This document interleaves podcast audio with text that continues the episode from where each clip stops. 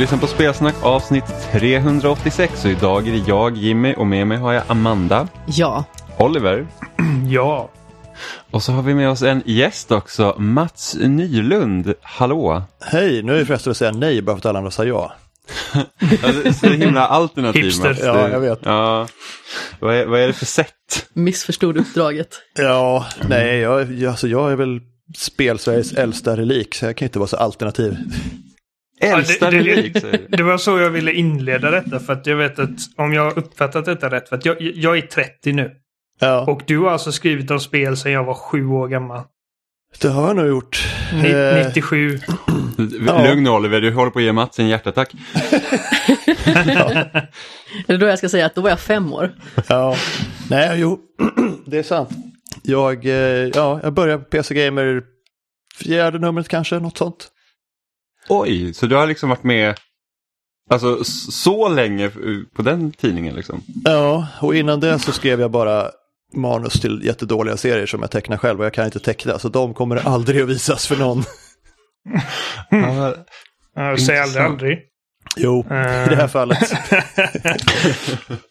Det, eh, den första eh, så här, speltidningen jag köpte var PC Gamer. Jag, jag minns inte vilket nummer det var för att jag var typ 8-9.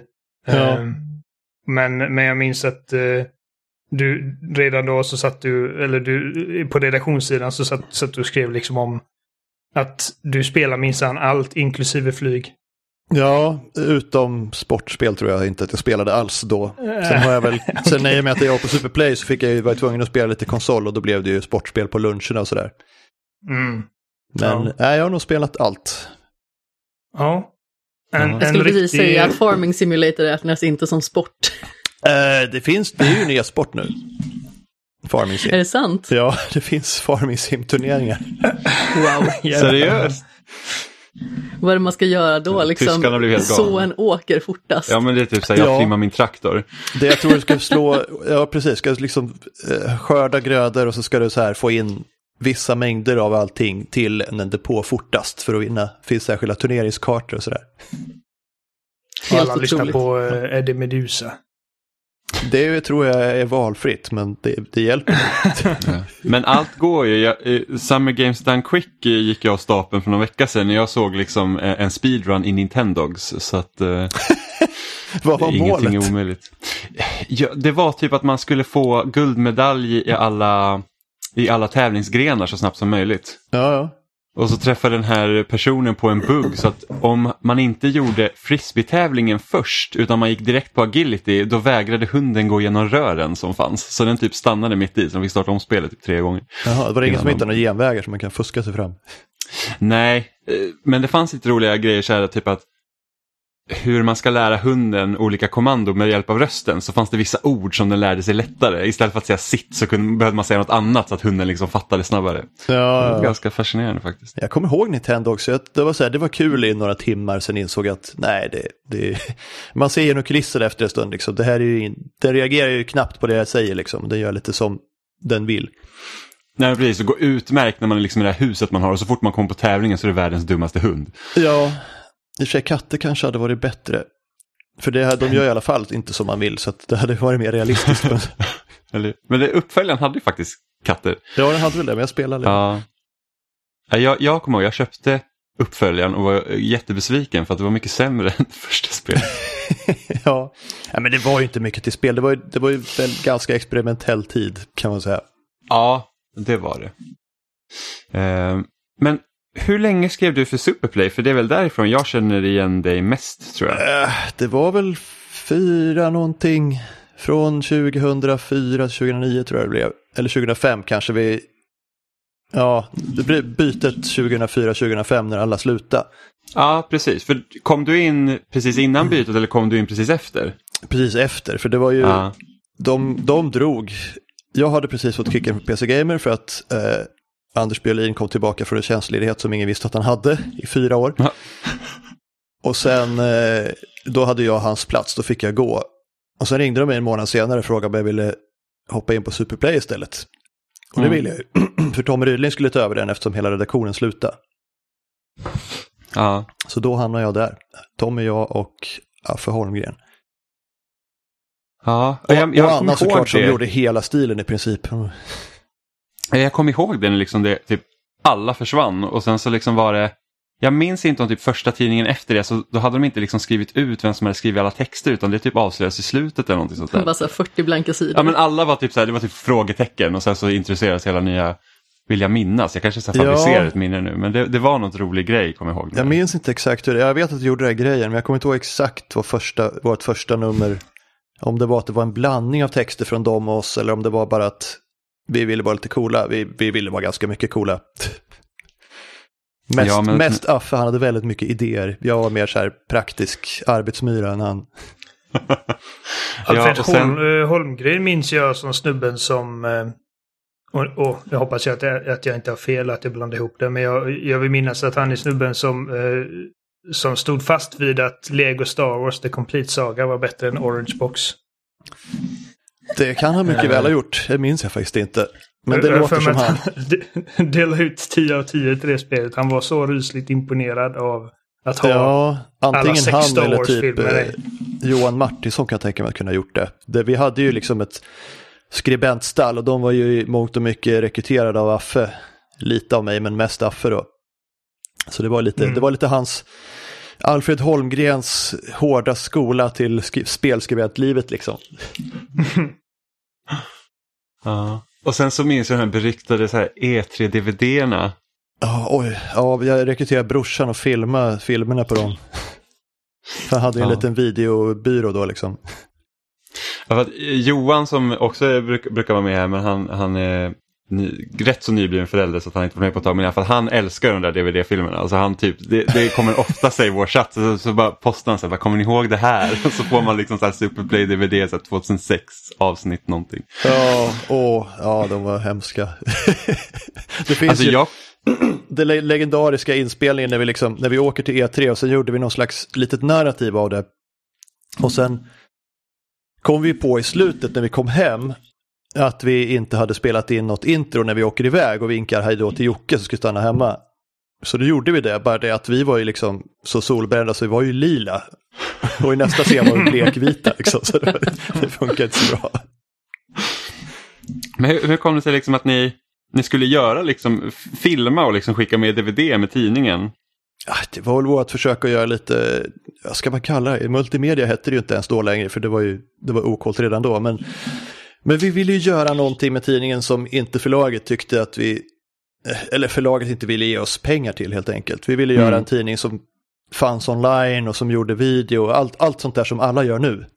Ja, precis. Ville vi göra då, men vi fick liksom inte så vi gjorde det lite så här på sidan av för ingen budget typ. Ja. För, för att hur, hur gick egentligen, för hur gick de liksom samtalen när, för att när eh, allt började liksom flytta med in på internet så många av de här liksom speltidningarna de har liksom haft problem med den att Ja. man liksom har inte vågat släppa tidningen riktigt utan liksom tidningen har stått fast och sen så låter man liksom så här internet liksom den närvaro man har där den får liksom vara lite sekundär och ebba ut. Liksom hur, hur gick det snacket på Superplay-tiden liksom? Alltså jag tror, jag vet inte om vi hade några regelrätta diskussioner med det. Jag vet att Jocke bråkar väldigt mycket, först Tommy och sen Jocke bråkar väldigt mycket med ledningen om det där. Mm. Typ att vi måste finnas på internet, vi borde liksom lägga ut artiklar, hela tidningen och vi alla var väl med på att i förlängningen kanske vi skulle lägga ner pappret helt. Mm. Men eh, svaret vi fick från Egmont då var ju liksom alltid nej, fortsätt göra tidning, det är det ni tjänar pengar på. Och det var det ju då, men jag tror inte de, de såg liksom inte så långt in i framtiden. Nej, de såg liksom inte typ att oj, här har vi liksom typ YouTube och, och, och liksom att folk börjar producera egna grejer så att tidningen kanske börjar bli förlegad. Nej, de var precis. fortfarande på 90-talet och att internet bara är en fluga. Ja, men det var lite så. Det var, jag jag ska inte säga att vi var några visionärer, men vi fattade ju vart det var på väg i alla fall. Och det gjorde Mm. liksom inte de som höll i pengarna. Så det blev väldigt tveksam internetsatsning. Det var ju samma PC Gamer innan. Mm. Vi ville ju redan där, liksom vi, eh, Daniel Agorander gjorde ju ett forum åt oss. Mm. Som han gav till oss i julklapp. Det var liksom, vi hade ju velat ha ett, men vi fick inga pengar, vi fick inte tid, vi fick, vi fick inte folk. Så det rann ut i sanden och så kommer han en jul och bara, jag har gjort ett forum, här är länken. Det, det är jättebra Ja. faktiskt. Så det var, var men det var väldigt på- trögt att arbeta på ett stort förlag och försöka göra nya grejer. De, de kunde Ah. tidningar liksom och det var det de kunde. Ja. Men det var ju lite samma sak om man tänker på, alltså för Reset Medias del och Level och Loading och så var ju det att de satsade inte heller på webben. Nej, Så vi, vi var ju liksom två separata redaktioner där. Vi hade liksom en redaktion för Loading. Ja, Där, liksom, där man liksom tog in då medlemmar som fick börja liksom skriva och så. Och sen hade man ju liksom då själva Level-tidningen. Och det liksom skedde liksom inget utbyte däremellan. Nej men loading var ju liksom en, en egen enhet liksom. Det fanns ju nästan inget klart samband överhuvudtaget däremellan. Nej, och sen när Reset Media fick liksom licensiera IGN för Sverige Ja. så slutade de med till och med annonsera loading i eh, tidningen. Ja, Och sen, sen var det ju liksom, ja, det, det var, det, då, då, då gick det ut för så att jag tror att Oscar han slogs ju för liksom sidans överlevnad i flera år Ja. tills GDPR dödade den. Ja. Och sen kom Amanda Sten med sin eh, nedläggningsförbannelse. Ett år efter att jag eh, blev skribent på IGN så la sidan ner. ja, strax över ett år efter att jag började på loading lade sidan ner. Ja, men det, det var ju det sjukaste, vi hade en skribent som bara skrev så här, han bara, alltså är vår sida GDPR-säkrad nu när liksom det går igång imorgon? ja. Och jag tänker så här, Oskar bara sitter där, bara svetten börjar lacka i pannan, liksom typ kontaktar vår webbmaster och sen så dagen efter var sidan nere och sen kom den aldrig upp igen liksom. Nej, sen så fick vi eh, istället bygga om den. Ja, så nu har vi den. byggt om den så nu är den väl halvt funktionell sida Ja. för de medlemmar som är kvar. Liksom. Ja, så det är inte samma sak som det var innan, men samtidigt så det är ju väldigt viktigt att eh, det i alla fall får leva vidare. Jo, precis. ja, men det är ju lite så här, jag menar, Superplay hade väl aldrig någon jättest... Vi hade ju en liten online-community på forumet, men det var ju så taffligt gjort. Även när vi gjorde om det var det ju inte fantastiskt. Men PC Gamer hade ju enorm så här forum-community och de finns ju till viss del på eh, Discorden. Det heter ju Spelrum nu då och tidningen Mm. är borta, men det är fortfarande samma gäng och det är, ja, de är inte riktigt kloka. Jag älskar dem allihop liksom. det är det bästa när de inte är kloka. Ja, Ja, men jag känner det, jag saknar liksom tiden när det var mycket online community och sånt. Nu är liksom allt nästan förpassat till typ Facebook och eh, Discord och liksom på Twitter. Liksom. Det är inte som att man liksom går in så på ett specifikt forum för att hitta liksom likasinnade utan nu allt smälter nästan i samman. Ja, det är väl typ, typ Reddit som är något vettigt i den vägen. Ja. Och sen finns det ju liksom 4chan och sånt där finns väl kvar, men de går väl ingen normal människa in på. Nej, Reddit har jag aldrig liksom Nej. förlikat mig med. Jag tycker att det är rörigt och, och jobbigt att gå in där. Så att det, Ja, Ja. Nej, men jag hängde mycket på, i internets barndom, om jag nu ska datera mig själv lite, så, så fanns det ju, eh, vad heter det, Usenet. Som Mm. var, det var diskussionsgrupper, det var i princip som Reddit fast bara text då. Och Reddit är lite som det, det är så här, det är rörigt, men allting finns där om du vet vad du ska leta liksom. Och, du, och, Mm. och folk försöker faktiskt diskutera vettiga grejer och inte bara tramsa och posta memes. Eller ja, inte, Ja. inte alla underforum, men en del. ja. Jag tror att jag aldrig liksom har varit inne så himla mycket på forum i allmänhet. Jag tror att det enda och också det sista som jag engagerade mig rätt mycket i, det var typ så här tidningen Okejs forum. Ja. Där man liksom skrev mycket om musik och sånt. Och eh, de flesta Eh, inläggen var väl liksom sådär att det var unga tjejer som tyckte att vissa eh, gitarrister var snygga och sådär. Det var ungefär den nivån det var på. Men eh, sen efter det så har det liksom inte blivit så mycket forum i allmänhet, utan jag är liksom mer en kreatör än en debattör, eller vad man ska säga. Ja, jo.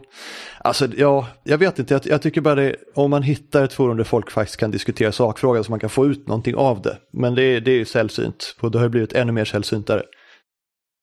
Ja, alltså det, det blir ju så mycket svårare för att jag tror folk är så vana att vara liksom i, ja, speciellt om man använder mycket Facebook och Twitter, så man skickar ut ett meddelande men du behöver liksom inte engagera dig i det. Så jag tror att, och det händer samma sak liksom lite på, om man tänker slutet på gamla loading och sen även nu så kan det vara så att folk reagerar till första posten men de är liksom inte jätteintresserade av att diskutera med varandra sen. Nej.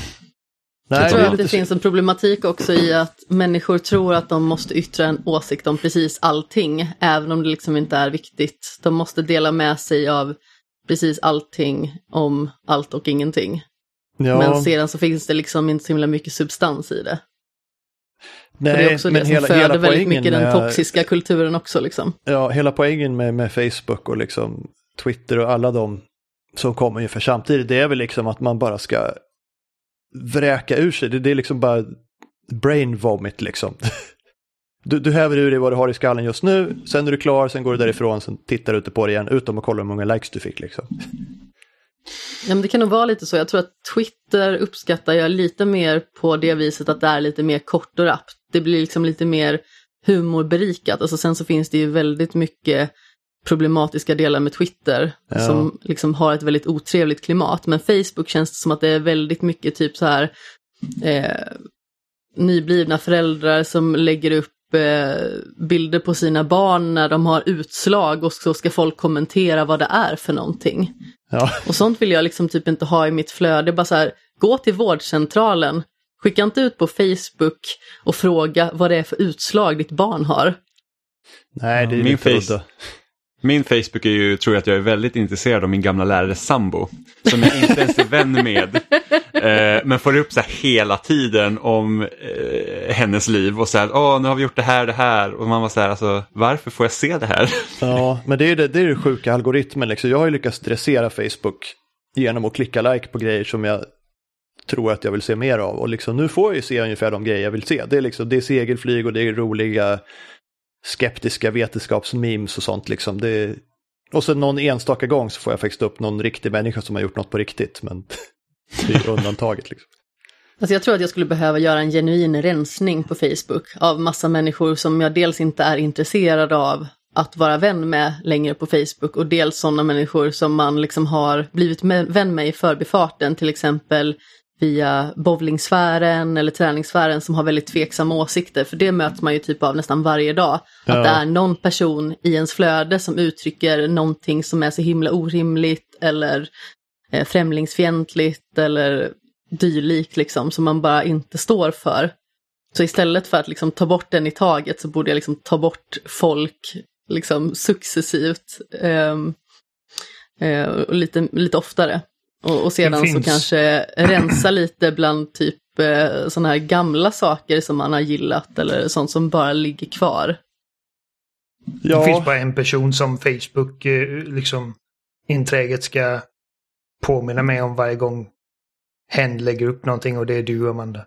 Så fort du gör en statusuppdatering eller lä- lägger upp en bild så får jag en notifikation bara Amanda har lagt upp en bild. Jag bara. Bara för att Ja. Facebook vet hur mycket du tycker om mig Oliver och inte, absolut inte vill missa någonting jag gör. Lite ja. jobbig favorisering här tycker jag.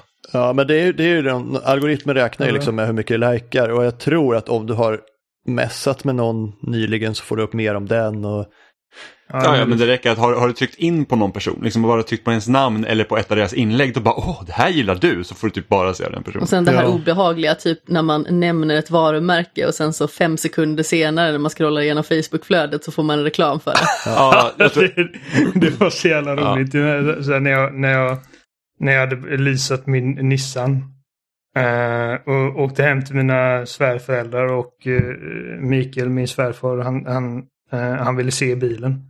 Så vi gick ut och jag bara, ah, här är en Nissan Qashqai, bla bla. Och sen när vi kom in igen så fick han massa Nissan Qashqai eh, reklam på Facebook. Han bara, det här är fan läskigt. Alltså man borde fan stänga av telefonen. Ja, men alltså, Men jag alltså, undrar, om inte köper, undrar om de inte köper data från Google, för jag har ju varit med om att jag liksom har varit någonstans typ på en däckverkstad och bytt däck på bilen. Dagen efter får man bara reklam för däck på Facebook. Mm. Liksom. ja. Jo, jo, absolut. Det, det, det, bara- alltså det, det köps ju och byts ut data hur mycket som helst. Ja. Eh, och det är så att alla som håller på med reklam säger att typ Facebook och Google att de lyssnar inte för att de behöver inte. Alla medietekniksforskare säger att stänga av mikrofonerna.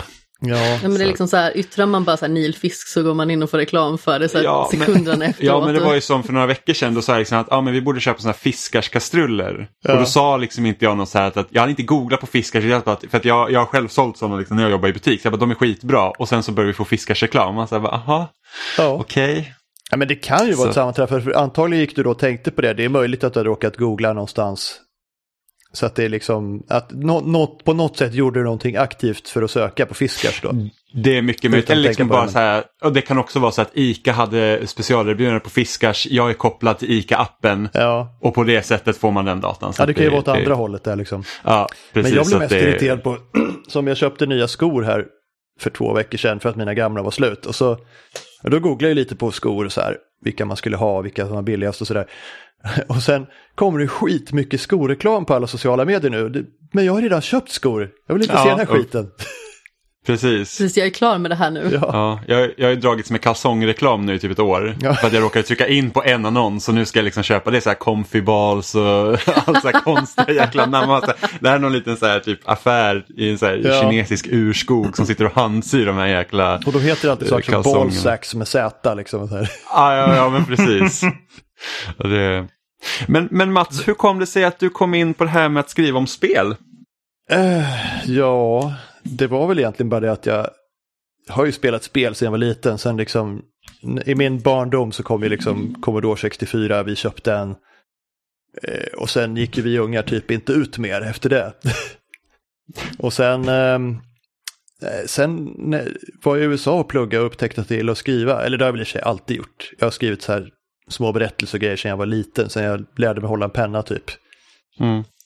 Och sen eh, hade jag ett tråkigt jobb, körde ut svamp på Närkeslätten. Gick in i en butik, såg första numret av PC Gamer och tänkte att man kanske skulle kunna skriva om spel. Som de här engelsmännen, de här tidningarna som hade köpt för dyra pengar liksom. Mm. De skrev ju om spel och de skrev ju roligt om spel och bra liksom. Okej, det var inte bra då, men jag tyckte det. ja. Och eh, jag tänkte, jag gillar att skriva, jag kan ju alltid prova vad jag har att förlora liksom. Så jag började skicka in bara ett mail till eh, redaktionen och frågade om de behövde någon som skrev.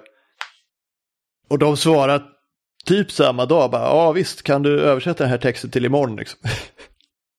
ja. Och på den vägen var det. Sen, sen har det bara fortsatt. Sen, sen blev det mer och mer att jag blev anställd för att de behövde folk när de flyttade från Växjö till Stockholm. Alla hängde ju inte med då. Mm. Och sen fortsatte Superplay naturligt där och sen efter det har jag väl egentligen först försökt leva på frilansa men sen insett att det går inte så jag skaffade ett riktigt jobb och bara frilansa lite på sidan av. Så nu är det ju mer Mm. liksom för att jag tycker att det är kul. ja, precis. Hålla, i, Ja. hålla igång liksom. Men att jag Jag började tror att- var nog egentligen att jag alltid har älskat att skriva och spela spel och att jag råkar gå in i rätt ICA-butik någonstans i Värmland liksom. Ja, Jag tror ibland- att många av oss kan eh, liksom känna igen oss i det där att ja, men, vi, vi är personer som, som alltid gillat att skriva. Ja, Eh, och vi har alltid gillat spel. Och så någon dag så ser man den här tidningen och bara oj, kan man, kan man skriva om spel liksom och göra ett jobb av det? Och så plötsligt så liksom blir det någon form av det där vill jag utforska.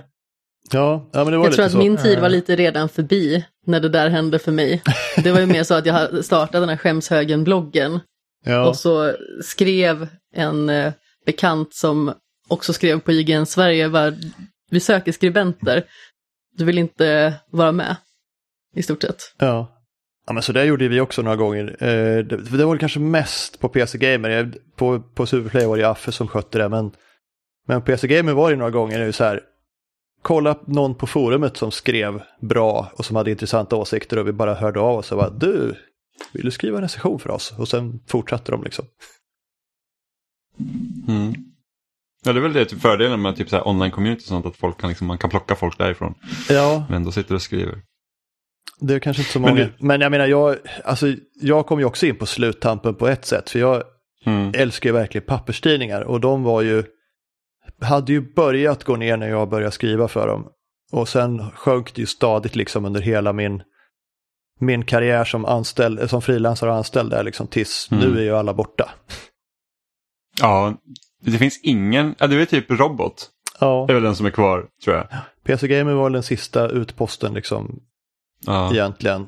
Och eh, den la ju ner i, i vintras. Det, Fast det finns ju kvar som en jättetrist, men- online-community och sajt som heter Spelrum ska ju sägas. Ja. Mm. Alltså de hamnar ju någonstans. Men alltså det, det är jättetrist att tidningarna försvinner. Men samtidigt så är det liksom det, det, det är svårt att säga att man inte förstår varför. Ja, Eh, det är ju egentligen ganska opraktiskt, men det, att det är något visst med att öppna en tidning. Den här liksom doften Det- av det är ny tryckfärg. Och, Ja, jag älskar tidningar. Alltså jag tycker, jag, jag är helt fantastisk. Jag, jag, jag Nu gick prenumererar Jimmy ner i spagat. Ja, men jag, prenumer, jag prenumererar ju på Edge fast bara digitalt då. Eh, Ja. Och jag hade ju gärna fått den liksom i papper varje månad om jag liksom känt att det var att det inte liksom bara samlar massa plats. Ja, Eh, ja Edge. liksom, jag, jag fick ju faktiskt skriva en, eh, ett reportage för dem en gång. Ah, vad, om vad då? Eh, det var om den här eh, stugan hette det, det var så här spelutvecklargrej Ja, ja, ja, ja. uppe i skogarna. Och, och jag bodde i Sverige och de frågade någon, jag kommer inte ihåg vem det var, om det var Jakob Ris kanske, som rekommenderade mig och de hörde av sig och bara hej, vill du skriva en artikel till oss här, sex sidor om det här och det här och jag var ramlade av stolen i princip. Mm. Nej. Ja, precis. Bara, nej, nej, jag tror inte det var. Vilka Nej. är ni? Det är klart jag gjorde det och jag vet inte, jag vet inte hur bra det blev, men jag menar jag är ju hyfsad på engelska och de hjälpte ju en del med redigering och så, så jag tror det blev hyfsat bra. Fast de har inte tagit av sig efter det, så kanske inte. De var så här, åh gud, men eh, vi, vi kan nog rädda det här. Ja, jo. Ja. Ja, nej, för jag kommer ihåg ett tag, det var ju liksom, jag tror att vid något tillfälle jag prenumererade på varenda svensk speltidning som fanns. Mm. Det var ju inte så många i och för sig. Nej, men det var typ PC Gamer, Superplay, Reset som blev Level Ja, tillsammans med Player One som jag också prenumererar på. Och sen eh, vet jag att det kom ju den här avstickaren som hette Plus N som var helt ja. eh, inriktad på Nintendo som typ kom i fyra nummer. Och laser så kommer, vad var det, ett nummer? Ja, ett eller två. Två kanske var. Ja, det, det, det var ju liksom... Och jag, jag tror att de typ... Eh, Alltså det var någon så här, det är jätteskumt för den kom ju precis när liksom alla bara att nej men tidningar det är liksom helt kört och så kommer Laser och de bara vi ska vara jättebra och så kom första numret och sen så sköt de upp lanseringen av nummer två typ tre gånger Ja. och sen kom det och sen la det ner eller någonting sånt. Ja, men alltså det var ju, Ja. de rekryterade ju bra skribenter, men Bonnier sket ju helt i det projektet. Det var ju bara, här är en väldigt, väldigt liten säck med pengar, gör en bra tidning tack. Det var väl den. Ja.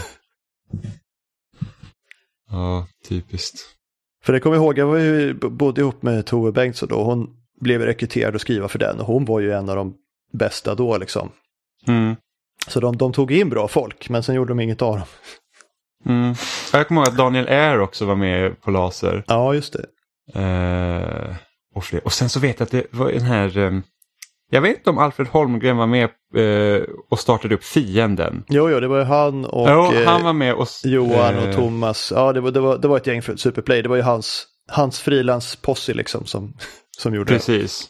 Och den prenumererar jag också på. Det kom två nummer och de det. numren håller jag, jag hårt i. betalade att för de... fyra nummer, men jag fick bara två. Ja, Ja, men precis. Vi brukar mejla, vi faktum är att vi brukar mejla till dem lite då och då. Så att, ja. men alltså, hur går det? Och de bara, jo men någon gång, det är på Ja. G liksom. Nu har jag inte träffat honom Eh. på länge, men nästa gång jag träffar honom ska jag fan fråga vad mina två, num- två nummer är. Ja, ja men precis. Någon gång 2027 kom det tredje numret. Ja, men alltså, det, det var så, alltså den tidningen var så välgjord och det var så intressanta reportage den så det är liksom, alltså jag hade kunnat slänga hur mycket pengar som helst på dem. Alltså Ja, då, den liksom prenumerationssumman jag la, det är liksom lätt värt. Alltså jag önskar Liksom att nästan att bara någon ville våga göra det där som de gjorde fast lyckas med det. För, al- alltså göra Ja. en, en premiumtidning, någonting som folk kanske betalar en 120 spänn per nummer bara för att få en riktigt bra produkt liksom. Så då behöver Ja, vi inte ja. sälja skitmånga. Nej men precis och sen liksom så här, det är inte att jaga nyheter, det är liksom man hittar intressanta reportage. Ja, Eh, och sånt skulle jag gärna se mycket mer av. Liksom, nu är ju spelmedia är ju så mycket, tycker jag, amerikaniserat. mm. Eftersom man liksom tar nyheter därifrån och det är liksom, det är mycket blajigt alltså. Mycket reklam och ja. liksom går man in på så här IGNs sida så är det liksom majoriteten i typ så här, här hittar du de bästa deals på Best Buy. Och man bara, ja det är ju kul. ja Så det blir inte lite lika familjärt. Nej. Nej, men det, det, det, Det är är ju ingen synd. som, som har byggt det här riktigt, i alla fall inte i Sverige tror jag, som, som har byggt samma liksom sammanhållna community som, som PC Gamer gjorde. För det var ju verkligen folk som hängde med i 20-25 år från början till slut. Ja. Ja men precis, nej det är... Alltså, Det är svårt att Laser se- var ju, var ju extremt kortlivad. Jag var ju på redaktionen. Ja. Eh, inte, inte redaktionen som fick göra tidningen utan den redaktionen som var onlinebaserad. Ja. Eh, jag kommer inte ihåg vad han hette chef. Alexander Ekelund. ja, just det. Ja, det gjorde han nog. Tror jag. Eklund eller Eklöf, något sånt där. Så, så jag, jag skrev för, för den, jag, jag kommer inte ihåg vad sajten hette. Sajten hette inte Laser. Nej, Jag inte. jag trodde det var liksom, om det var någonting generiskt som typ spelmedia.se. Jag kommer inte ihåg. Eh, men det var liksom eh, en del, alla på, på eh, sa- sajtens redaktion liksom var inte inblandade i tidningen. Och nej. jag tyckte det var jättespännande. Liksom, Åh, vår redaktion ska göra en tidning. Liksom, och det kanske blir någonting. Och sen så typ ja, två, tre nummer eller vad det var. Och så blev det inget mer med det. Men detta var Nej, liksom men jag tror i och för sig att 2011. Bonnier gör sådär ganska ofta. Att de liksom, någon kommer med en bra idé och de låter dem göra ett eller två nummer och sen inser de att det inte säljer och så lägger de ner. Mm. Det har nog hänt många gånger förr. Mm. Och sen just att de verkar vara så att, ja men så som vi alltid har gjort, det fungerar. Ja, jo, det har ju Och funkat sen för så, dem. ja men precis, att det, Ja, men fienden Det- var ju det- ett, ett unikum nästan. De gjorde ju helt kompromisslöst, allt bara på sina egna villkor. Jag, lite som Reset ville göra tror jag. mm. Men så småningom insåg att ingen kommer betala för det här. Vi måste liksom göra lite mer kommersiellt gångbara grejer. Fienden sket Ja. ju i det. Det var rätt skönt faktiskt. Det, Ja, det, det var lite det det, var vi ju- ville göra med Superplay egentligen, men inte fick eller våga. ja.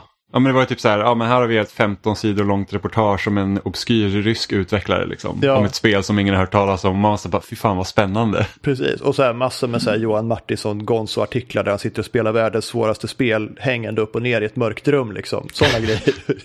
ja. Det är skitkul. Det var, det var helt fantastiskt. Jag sörjer att det inte blev liksom så här typ att stor succé. Men det är väl det liksom som är problemet. Att, eh, du, du är väl en av få som faktiskt är intresserad av att läsa 15 sidor om ett ryskt projekt ingen har hört talas om. Ja, Ja, men det, om, det, om det Det- fanns liksom 10 Finns det någon där 10 000 ute som vill göra intresserade av att reportage betala åt för det enbart det- Jimmy? Ja. Nej men, det Men- skulle nog behövas 10, 10, eller 5-6 tusen pers som är villiga att betala premiumkostnad för en riktigt kompromisslös tidning. Då skulle det kanske Ja. gå att göra, men det finns inte det tror jag. Ja, Blir jag rik någon gång ska jag personligen finansiera fienden. Så jag kan få det här tredje numret. Ja, det fanns ju någon konstig så här eh, rik norrman, jag vet inte vad han blir rik på, olja eller fisk antar jag, som finansierar Mm. Eller en en biltidning. Björns bil eller sånt. Och det, den var, det var exakt så, det var liksom de Ja. artiklar han ville se om bilar. Och sen skitsamma om de köpte den, han gjorde, ville, ville bara göra en tidning. Men hur kommer det sig att det är liksom så svårt? Alltså för jag tänker att typ andra branscher har ju liksom haft så här obskyra, så typ så här filmtidningar finns det ju liksom massa så här konstigheter om. Hur kommer det sig liksom att spel egentligen skulle vara så svårt att få någon, och, och då kan vi kanske bortse från svenska marknaden då, eftersom den är så liten, men liksom Mm. att man inte kan få en, en så här djupgående speltidning på engelska då som, som liksom gör sådana här lustigheter. Nej, men jag tror det bara inte det finns en tillräckligt stor marknad. Det är, det. Det, det är så mycket lättare att göra det online där du kan liksom Ja, det är sant. göra en Det är artikel när- som är så här 30 000 ord och de som vill läsa den läser och kanske klickar på någon annons så att det, det betalar sig. Jag tror är att det är liksom- så pass få till, an, liksom till antalet av spelintresserade som faktiskt är liksom nitiskt intresserade snarare än ytligt intresserade. Ja. Så Sen är det att det tyvärr kanske är svårt antagligen att få många det att gå som, hem. som säger att de är det. Tillräckligt många för att man ska starta vansinniga tidningsprojekt. Så de upptäcker att det inte så- var så. Det är väl den här liksom upp. video kill the radio star. Liksom att internet kom och bara gjorde tidningen fast mycket smidigare, bättre, billigare för konsumenten. Ja. Liksom, du har eh, alltså, liksom trailers och, och grejer så att man behöver inte göra en, en DVD en gång i månaden. Utan liksom, du har direkt access till de här trailersen och, och gameplay-videos och, och allting du kan tänkas vilja ha. Ja, och jag Bara- menar när, om 20 år så kommer väl folk att tycka att vi levde på stenåldern som faktiskt läste saker tryckta på döda träd. Ja. Liksom, när man bara kan plugga, plugga in sin kabel bakom örat och direkt få nyheterna liksom, i hjärnan. Mm. Sen finns det ju en annan problematik med internet också, att det, allt blir ju gratis. Ja, Och sen är det så här, att ah, jag behöver inte betala för det här. Och då vill man inte göra det heller. nej. Men då, det finns då också någon form av märkligt mellanläge där, liksom att man vill fortfarande ha alltså, värdefullt material eller liksom kvalitativt material, Mm. men man vill inte betala för det. Även om man fortfarande förväntar sig att det ska vara till en viss standard. Nej, precis. Det, det, ja, jag, jag har jobbat en hel del med översättningar och folk gnäller på att översättningar är så dåliga, speciellt på tv. Men jag förstår varför, för att du får liksom peanuts för att översätta, du har inte tid att faktakolla eller läsa igenom. Då kan du inte betala hyran liksom. Och det, det är väl samma sak här. är... Alltså, det, det är svårare än man tror att det är med översättningar. Ja, det är ju. Alltså vi, Men man får inte betalt hade för ju- det efter ansträngningen. Liksom. vi, ha, vi hade en, som, en gäst som översätter spel Ja, eh, för några veckor sedan och han sa ju också det liksom att ibland är det svårt för att de får Ibland får de liksom texter utan kontext Ja. så de vet inte när liksom i spelet det här ska hända eh, och ibland får man ingen information alls så då måste man liksom så här försöka gissa till vad som menas och sen när man liksom har allt material så ser man att det är liksom helt galet. Eller så är de som har beställt uppdraget inte speciellt nöjda med översättningen så de kör en Google Translate istället som gör att det blir helt galet. Alltså så blir det också krångligt liksom hela det här med att det ska liksom matcha en viss ton och sedan så kan det ju finnas en viss typ av jargong eller en sorts humor som är liksom väldigt svår att översätta till exempel. Vitsar är ju en sån sak. Ordvitsar Alexander Katurgi som han heter. Han sa ju liksom det också att en bra översättning märker ingen. nej. Den bara är där Ja, och fyller sin funktion. Men om det blir någonting litet felaktigt i en översättning, då märker alla det direkt. ja. jo men Och det så är, så. det ju. Ja. Nej, jag, jag menar, jag, jag har också översatt en del spel och det var faktiskt rätt konstigt det där. Ibland får man bara en text, eh, ofta i ett Excel-dokument, bisarrt nog. Och det är liksom di- dialograd efter dialograd och så här, ja, men när det står grandpa, är det liksom hennes farmor eller hennes mormor? Det är olika. Och de Mm. bara, nej vi vet inte, skriv det du tycker är troligast. Det liksom- det, det är så här, ett coin flip liksom. Är det, mormor eller morfar? Ja, jag börjar bara skriva mormor varje gång, det, det ordnar sig Ja. nog liksom. Och gör inte det så är det säkert ingen som märker det. Och eh, om det är någon som märker det så spelar det ingen roll för jag måste ha in pengar liksom så jag kör. Mm. Ja, men så är Det det. var lite så. Jag, jag är ofta imponerad när jag kollar på grejer som typ eh, alltså eh, komediserier som typ Family Guy eller Modern Family där det är mycket ordvitsar. Och jag är Mm. alltid lika imponerad varje gång de lyckas få till en översättning som faktiskt fungerar någorlunda. För Ja, jag bara jag tänker skulle- liksom, hur- fan anländer de till... För att jag, jag, jag hade tyckt det var skitsvårt med, med Ja. ordvitsarna. Och Det är ju grejer som Nu- ska nu- rimma och... Ja, det är skitsvårt men eh, ja, det, man får liksom plöja igenom resten så man kan lägga lite tid på de där grejerna för att få till en liten extra Mm. knorr så att de kanske anlitar dig igen. För att du är lite bättre än alla andra överstressade översättare som de betalar ingenting.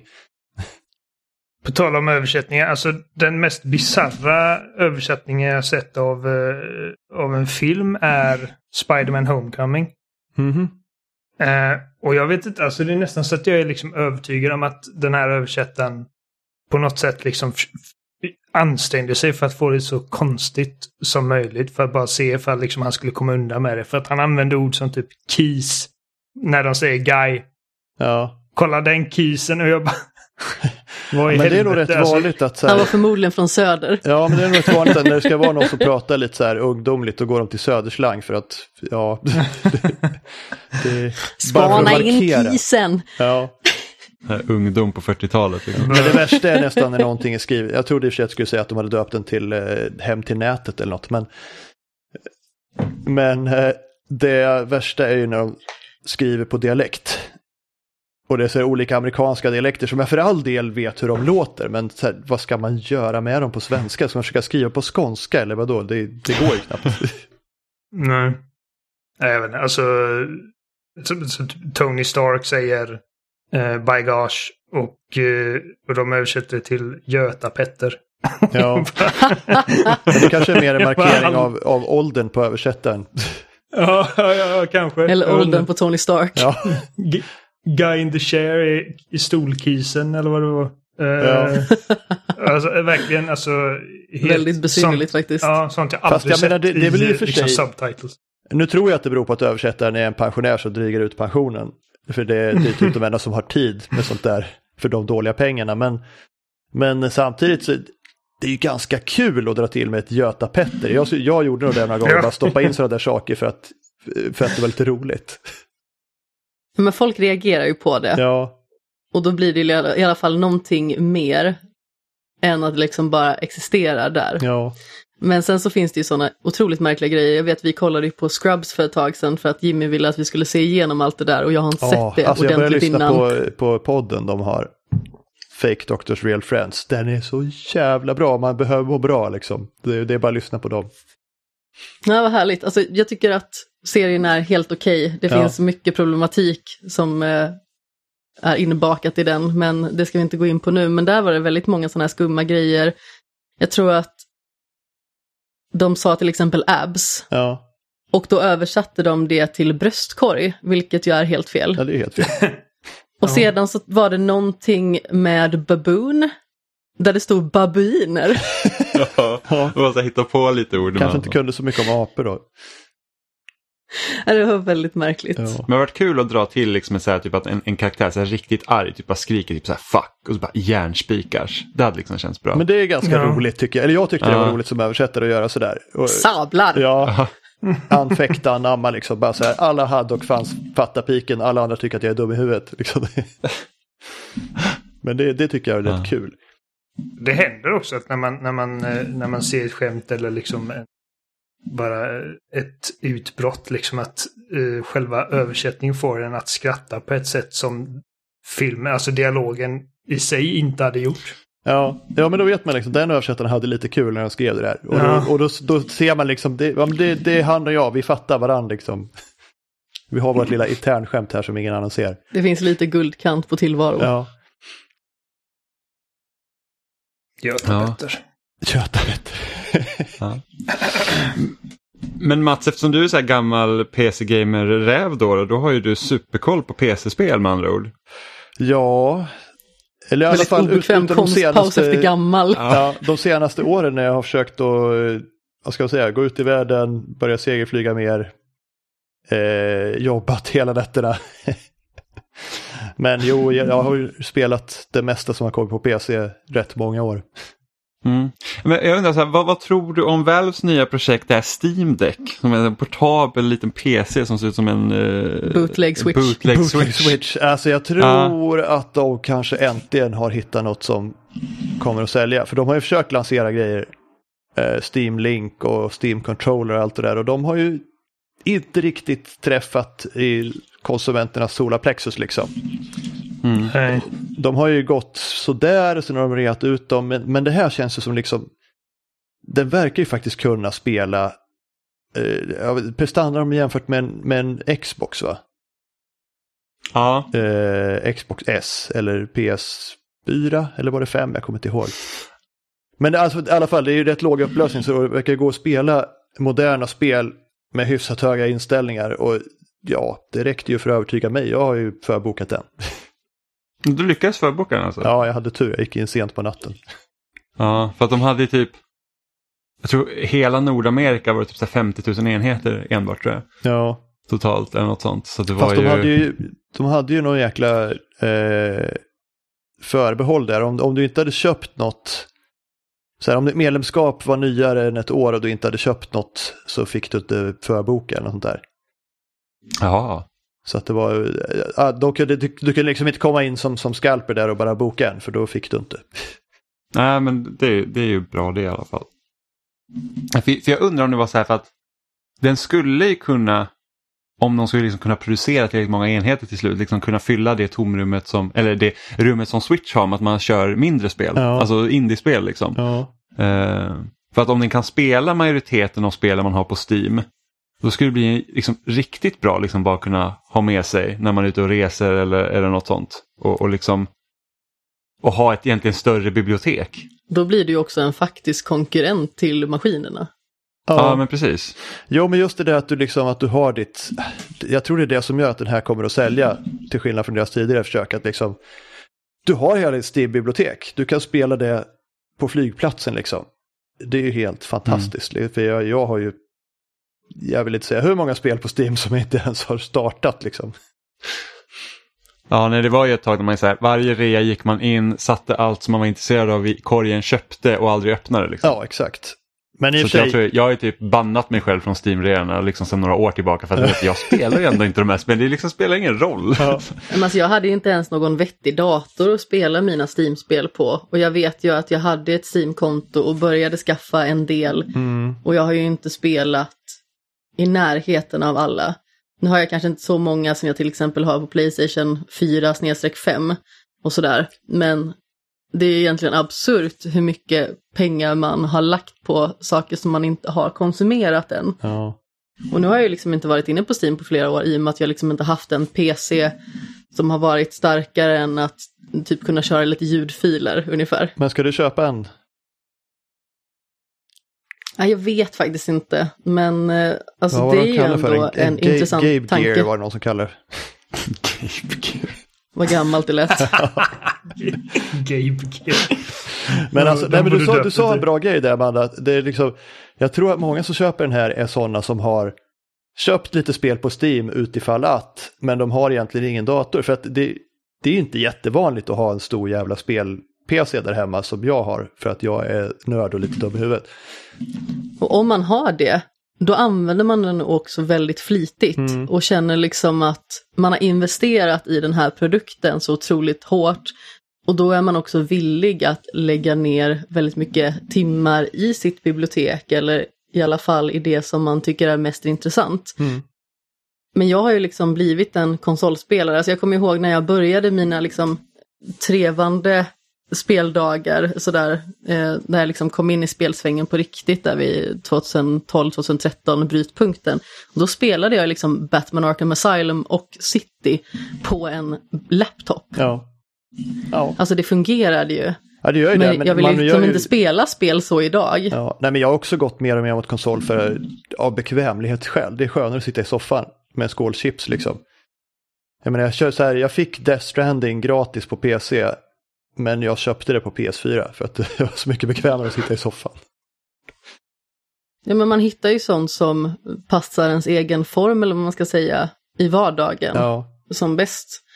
men Och ända tills att jag hade en switch så hade jag ju med min laptop även att den var ju helt omöjlig prestandamässigt. ja, Och försökte jag spela Firewatch på den så gick det ju så himla långsamt att jag var tvungen att liksom eh, sänka den grafiska presentationen lite bara för att det liksom inte skulle gå baklänges. ja. men den här grejen, ja, den, men här kan du ju spela Firewatch på bussen.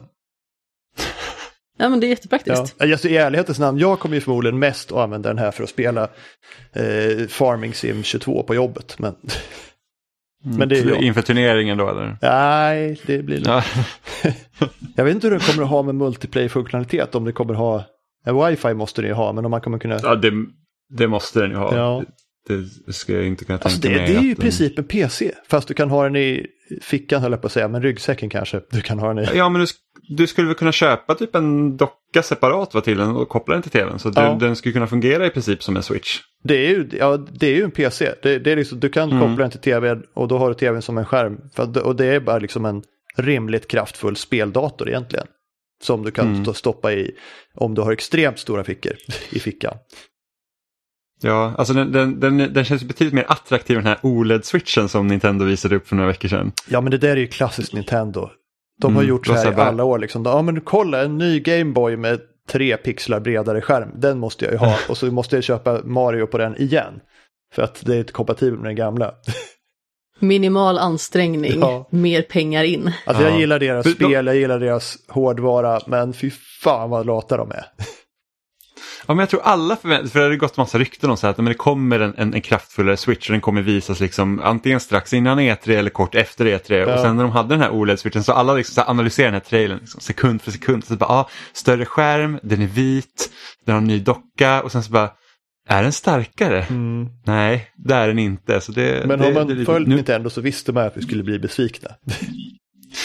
Ja, men det känns också som att alla bygger upp, liksom, trots att Nintendo egentligen inte gör mer än nödvändigt många gånger så bygger alla upp förväntningar som att de kommer liksom typ nästa Jesus. Ja, Jo men det är ju helt enkelt bara på grund av det nostalgiska värdet som den eh, som det företaget liksom bär med sig. ja, i och med att liksom Nintendo har varit en så stor del av liksom det svenska folkhemmet, eller vad man ska säga, i så många år, så känns det ju som att folk håller ju på att eh, klättra på väggarna och eh, tappa byxorna, höll jag på att säga, så fort de liksom är i närheten av att visa någonting.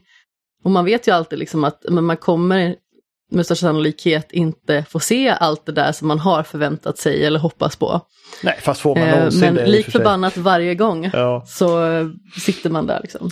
Men Nintendos grej är att de kan sin nisch. De, de har liksom, de är, så, ja, men de är lite, inte sämre, men de är mer, lite mer lo-fi, lite charmigare liksom. De, de är lite så här, lite indie för att vara ett multinationellt så här biljarddollarsföretag. Det, det, det, det, är deras grej och de är bra på det. Liksom.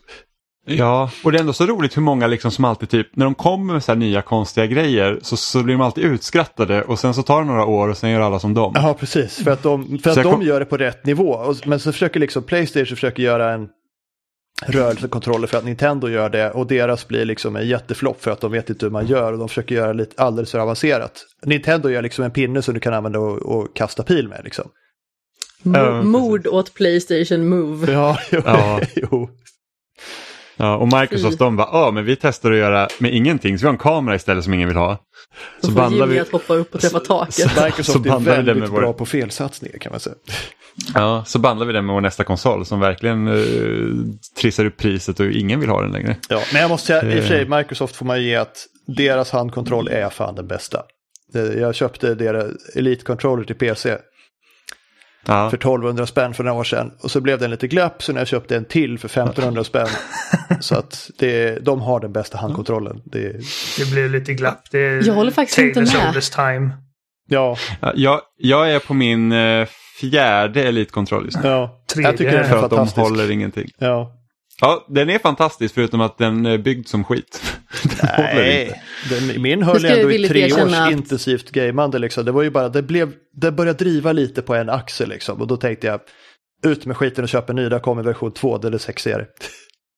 Vilken tur du har för att mina Ja, alltså- började falla isär efter ett halvår. Jaha, Jag nej, vågar knappt inte... använda min. Den ligger liksom i sin, typ, i sin case. Och Ja. så bara sen lossnar gummit och uh, axelknapparna lossnar. Och, och jag bara, jag vet inte fan vad det är jag gör. Alltså, Nej, du ska, du ska inte slå i spik med, det vet du va? nej. jag- Och, det, det provocerar mig. För att, lite renovering hemma. Det provocerar mig för att jag är så jävla försiktig med den. Jag, jag, jag Ja. lägger den alltid i det där lilla fodralet. Och, och så liksom kommer man hem till kompisar och man ser att det- liksom den här kontrollen bara ligger helt löst i soffan. Och jag får panik. Och jag Någon bara, har satt sig på den. Ja, jag bara, hur fan vågar Så du? hunden sitter och tuggar lite på den och den funkar perfekt. Ja. Mm. Mm. Nej, men jag var ju försiktig. Min första, min första elitkontroll, så den körde jag ju bara när jag liksom kände att jag behövde typ, ja men jag behöver ha hoppknappen på en av liksom här paddarna. Ja. Eh, och den gick sönder. Och jag var så här, nej, om jag har en så här dyr kontroll som jag använder så sparsamt och den går sönder ändå, då ska jag fan spela med den hela tiden. Ja, ja. Nej, men jag har, bara, jag har bara haft bra erfarenheter. Det tog väl ja, tre eller fyra år innan den började driva lite på en axel på en spak. Och då skickade jag den och köpte en ny likadan. Nu har jag ju inte någon elitkontroll utan jag har ju den här plastiga hemska som man får med Xbox One-paketet liksom när man köper konsolen från första början. Det är bra Billigare kontroller. Jag tycker att den känns jätteplastig och eh, inte speciellt intuitiv att hålla i.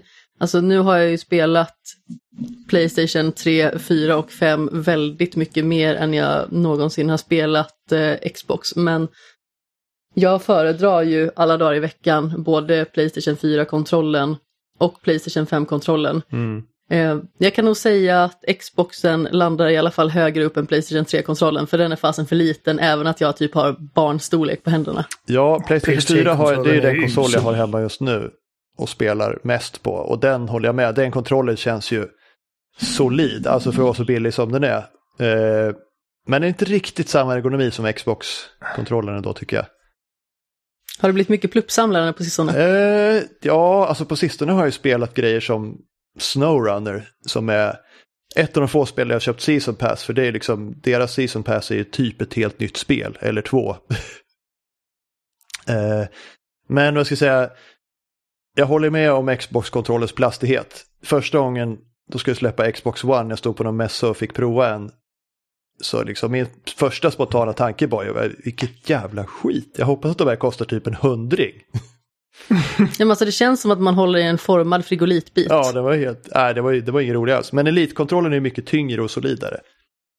Ja, ja, men det- Ja, absolut, alltså jag har ju lånat Jimmys någon gång, alltså innan vi flyttade ihop och jag var uppe och hälsade på i Stockholm Ja. så fick jag ju testa och spela med hans eh, andra elitkontroll och den känns ju väldigt mycket bättre. Ja. Är det någon som har provat Steam-controller då? Nej. Jag har hållit i den, jag har inte, inte. faktiskt, jag har inte använt den till ett spel. Ser inte också den ut som eh, bootleg Pro Controller från Nintendo? Jo, men alltså den, den är lite paradoxal. Jag fick Den- hålla igen, jag har inte använt den, men det känns ju som att den är typ Den är typ som, som någon har gjort en avgjutning av en kontroll. Det känns inte som det är på riktigt, den väger ingenting. Liksom. Nej. Jaha, den, den ser tung ut. Nej, den är inte tung. Eller inte Nej. det jag fick hålla i alla fall. Gjord i bly. Ja, men Fick du, test, alltså, fick du testa den liksom med ett spel eller har du bara hållit Nej, jag bara höll igen. Så- för jag är så himla nyfiken på de här jävla de här trackpadsen som den hade, hur de funkar egentligen. För jag kommer ihåg när de visade upp den kontrollen, jag bara, men det här låter ju som en logisk liksom eh, utveckling av en handkontroll. Att istället för stickers har de här trackpadsen och de fungerar liksom Mm. som en mus. Alla verkar men, just det, de cirkulära där ja. Ja, och de verkar liksom fungera bra till vissa grejer och mindre bra till andra grejer. Typ om du kör strategispel på PC, då är det skitbra att ha den där kontrollen och sen ska du köra shooters, då är det typ kört. Mm. Så att, och det är väl typ Men till shooters Gabe jag tänkte så att den skulle vara bra. Ja, precis. De, men de har ju sticker också. Ja, jo, jag tror det, det uppskattar jag. För jag, alltså, anledningen till att jag aldrig köpte en, ens när de kostar 20 spänn eller vad de kostar, det var att nej, jag vill ha spakar liksom. Jag vill känna när jag flyttar på grejer. Liksom. Mm. Men vad, vad, vad spelar du? Alltså förutom Snowrunner, spelar du något annat nu för tiden? Uh, ja, alltså jag spelar... Nu är det ju sommar så nu är jag ju mest... Lediga stunder är jag ju mest i Örebro och, och flyger eller lär andra att flyga. Så det har inte blivit så mycket spelande men har det blivit så har det blivit lite streamande med PC Gamer. Vi spelar igenom i Takes Two, jag och Thomas. Mycket Det roligt. var skitkul. Det, det är så jäkla bra co-op-spel liksom. Eh, Mm. nej, så borde jag väl gå tillbaka till Valhalla. Men egentligen vill jag skaffa nytt grafikkort och gå tillbaka till Cyberpunk en gång till. Så, tänk, så det, ge Cyberpunk en till chans alltså? Alltså jag gav det ju redan, jag har redan spelat igenom det två gånger. Jaså? jag tyckte det var så pass bra, även med sina fel och brister. Men, men jag Men du spelar ju... på PC då antar jag? Eller, Ja, eller spelar jo, du på PS4? Nej, inte på PS4. Ja, det, nej. det, jag tänker inte köpa det på PS4. Kanske om jag skaffar en PS5 att jag köper det på den. Jag recenserade det på Playstation 4. Ja, Ja, Det var intressant. då fanns det officiellt Alltså jag hade nog inte så himla 4. mycket problem som många andra hade. Nej. Om jag ska vara helt ärlig. Men samtidigt så det fanns ganska mycket problematik med det spelet. Alltså både liksom i utvecklingsstadiet och i lanseringen och i vad som faktiskt skedde när spelet var ute på marknaden. Mm. Så det är liksom så här synd på något vis att det spelet hade så himla mycket problematik för att i grunden känns det som att det finns ett väldigt bra spel där. Men det är svårt att uppskatta det fullt ut bara för att det liksom sitter på så himla många skavanker som man liksom inte bara kan se förbi. Det är omöjligt. Ja, nej, jag var lite Men samma... alltså i ärlighetens namn, jag hade ju en trevlig tid liksom med själva kampanjen. Mm. Ja, nej, jag följer pladask för storyn och karaktärerna. Alltså det, det var bland det bästa jag har sett. Sen har ju spelet sina brister, min, minst sagt. Mm. Jag tyckte att jag det ska, är, att säga, det, jag ska problematiskt. starta en till eh, en ny karaktär när de har släppt uh, Next Gen-patchen. När nu det blir. Ja, och när släpper de Eh. DLC? Det är lite så här, för jag vill ju verkligen se mer av den här eh, världen. Men det ja, blir det nog DLC? Det verkar inte vara någon som vet. Ja, Jag tror inte att det kommer komma i år i alla fall. Nej, det är det inte göra. Det, det är nog Men med tanke på hur mycket pengar de tog in på det, de sålde ju rätt bra ändå. Mm. Då borde Ja, med tanke på, på sig. eh, hur många refunds och, och, och all den kontroversen som skapades så är det ganska sjukt hur mycket de drog in ändå. Ja, Alltså det var rätt så lite, alltså på det he stora hela så var det otroligt lite refunds. Det var typ, det kan ha varit typ 14 000 eller någonting sånt tror jag kom ut siffror på. att ja det skulle ha 14 varit 15 som 000 har tror jag. spelet. Det är Ja. inte så farligt. Ja, men det är Nej, med tanke på hur många som, det, det är liksom, Men i vanlig ordning är det väl liksom rösterna som uttrycker sitt missnöje som hörs högst och det är liksom det man oftast baserar det på. Då blir det liksom mer att man tar känslorna i beräkningen snarare än liksom de faktiska siffrorna och det som är eh, någonting som är eh, solitt att ta på. ja, Ja. men samtidigt så att det, det, är liksom, det är det enda liksom så, här, så högt profilerat spel som har blivit borttagen från liksom den största affären liksom, i, inom spelsfären i princip. Ja, så är det ju absolut. bisarrt. Men jag menar, det, det var ju en anledning till att jag älskar Reddit, apropå Cyberpunk. Det finns ju en Cyberpunk-grupp såklart. Mm. Eh, men det var så jäkla mycket gnäll efter releasen så att eh, folk startade en till Cyberpunk-grupp som hette Low Sodium Cyberpunk. Där det var förbjudet att gnälla på hur buggigt spelet var. Och bara skriva om, om spelupplevelsen. Liksom. Ja, det, det, det händer ju, tror jag också för No Man's Sky. Så att den officiella liksom Reddit eh, eh, liksom sidan den, eh, den typ imploderade Ja. för att folk var helt galna så då skapades det också en ny. Ja, det var ju också en väldigt sorglig lansering. Det var ju lite, Ja, det det var var lite det. samma lansering i princip. Fast No Man's Sky var ju lite så här. Jag var lite mer besviken på det för där hade de levererar de så mycket mindre av det de lovade. Cyberpunk levererar ändå kanske 75 procent av det de hade lovat. Ja, Alltså på något vis kan man ju säga att Cyberpunk faktiskt levererade, även att det liksom hade problem. Ja, Medan ehm, No Man's Sky levererade ju typ den ultimata tomheten, eller vad man ska säga. Jag kommer ihåg att jag blev erbjuden att köpa den här specialutgåvan för att det var en kompis som hade bokat den och sen liksom så här, nej men jag kommer nog inte köpa den, vill du ha den istället? Och jag bara, ja men absolut. Jag tror att jag spelade en timme i spelet eller någonting sånt och så blev jag dödad av någonting jag inte såg och förstod liksom inte vad det var jag skulle göra så jag stängde av det och startade aldrig igen för att jag blev sur. ja. ja jag spelar faktiskt Ja, några det- dagar men eh, jag älskar ju survival-spel när man ska samla pluppar och här fanns det ju pluppar i oändlighet eftersom de genererade slumpmässigt liksom. Hela mm. planeten är en massa pluppar. Ja. Men Mm. eh, nu, Men jag- nu jag- för tiden är det ju tydligen som det skulle ha varit från början. Har jag hört, men jag har inte gått tillbaka. Ja, nu är det... Alltså jag, har förs- jag har försökt gå tillbaka till Sky. För att jag, jag, jag blev helt såld på den här idén att liksom man ska utforska liksom ett oändligt univers- universum. Mm. Det var ju det som gjorde det spännande. Det blev och sen alla så typ. Ja, och sen så med varje uppdatering så var det så här, ja men vi har basbygge så liksom blir kvar på planeten så det handlar inte lika mycket om att liksom ge sig iväg och utforska utan det blir mer så att men bygg, samla på och, och sådana saker och det är liksom så här att de har ett krångligt sätt att hantera resurser att jag är så här att jag, liksom, det tar för lång tid. Det Liksom var för att- mycket att liksom att- resurser, man fattar inte riktigt vad de skulle vara till. Och det, det är ju tre grejer man behöver egentligen, resten kan man ju skita i. Ja, och sen så här omvandla den här eh, liksom, materialet till ett finare material men det går, liksom, går inte att använda det fina materialet till vissa delar. Då måste man liksom degradera dem igen så att det är liksom för alldeles för komplicerad process. Så, att, eh, så jag älskar till exempel Minecraft och bygga saker Ja. för att det är enkelt. Ja.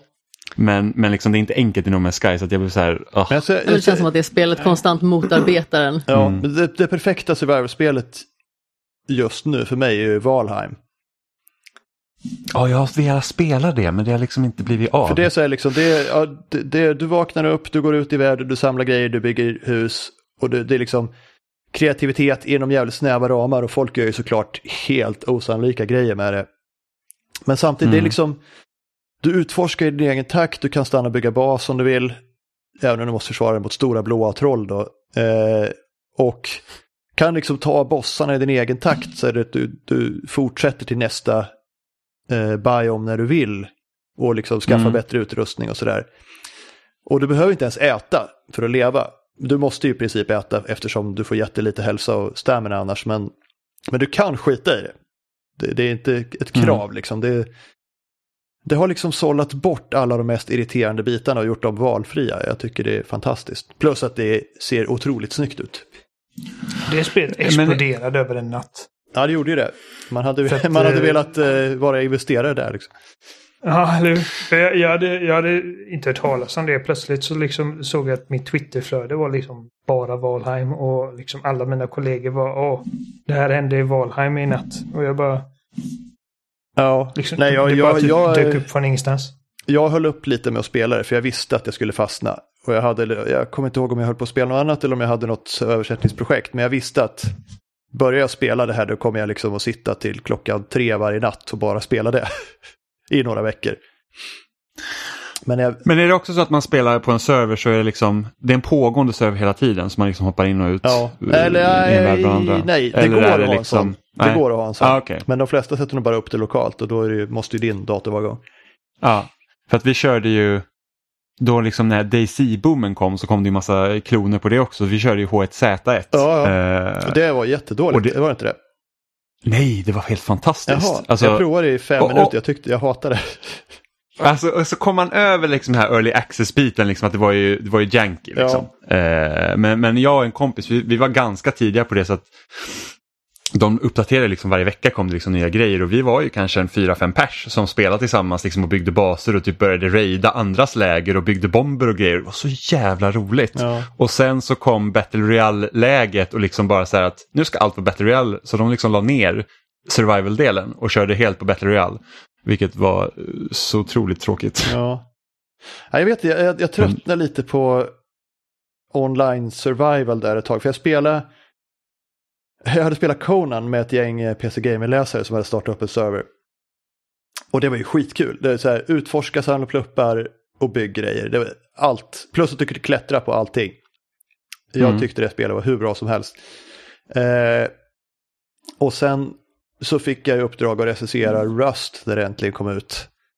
Mm. Jag hatar varenda sekund. Jag skrev en recension som bara liksom kastade bajs på spelet och alla som hade med det att göra. För jag tyckte det var så fruktansvärt värdelöst. På grund av spelarna. Som var as Ja. utan undantag liksom.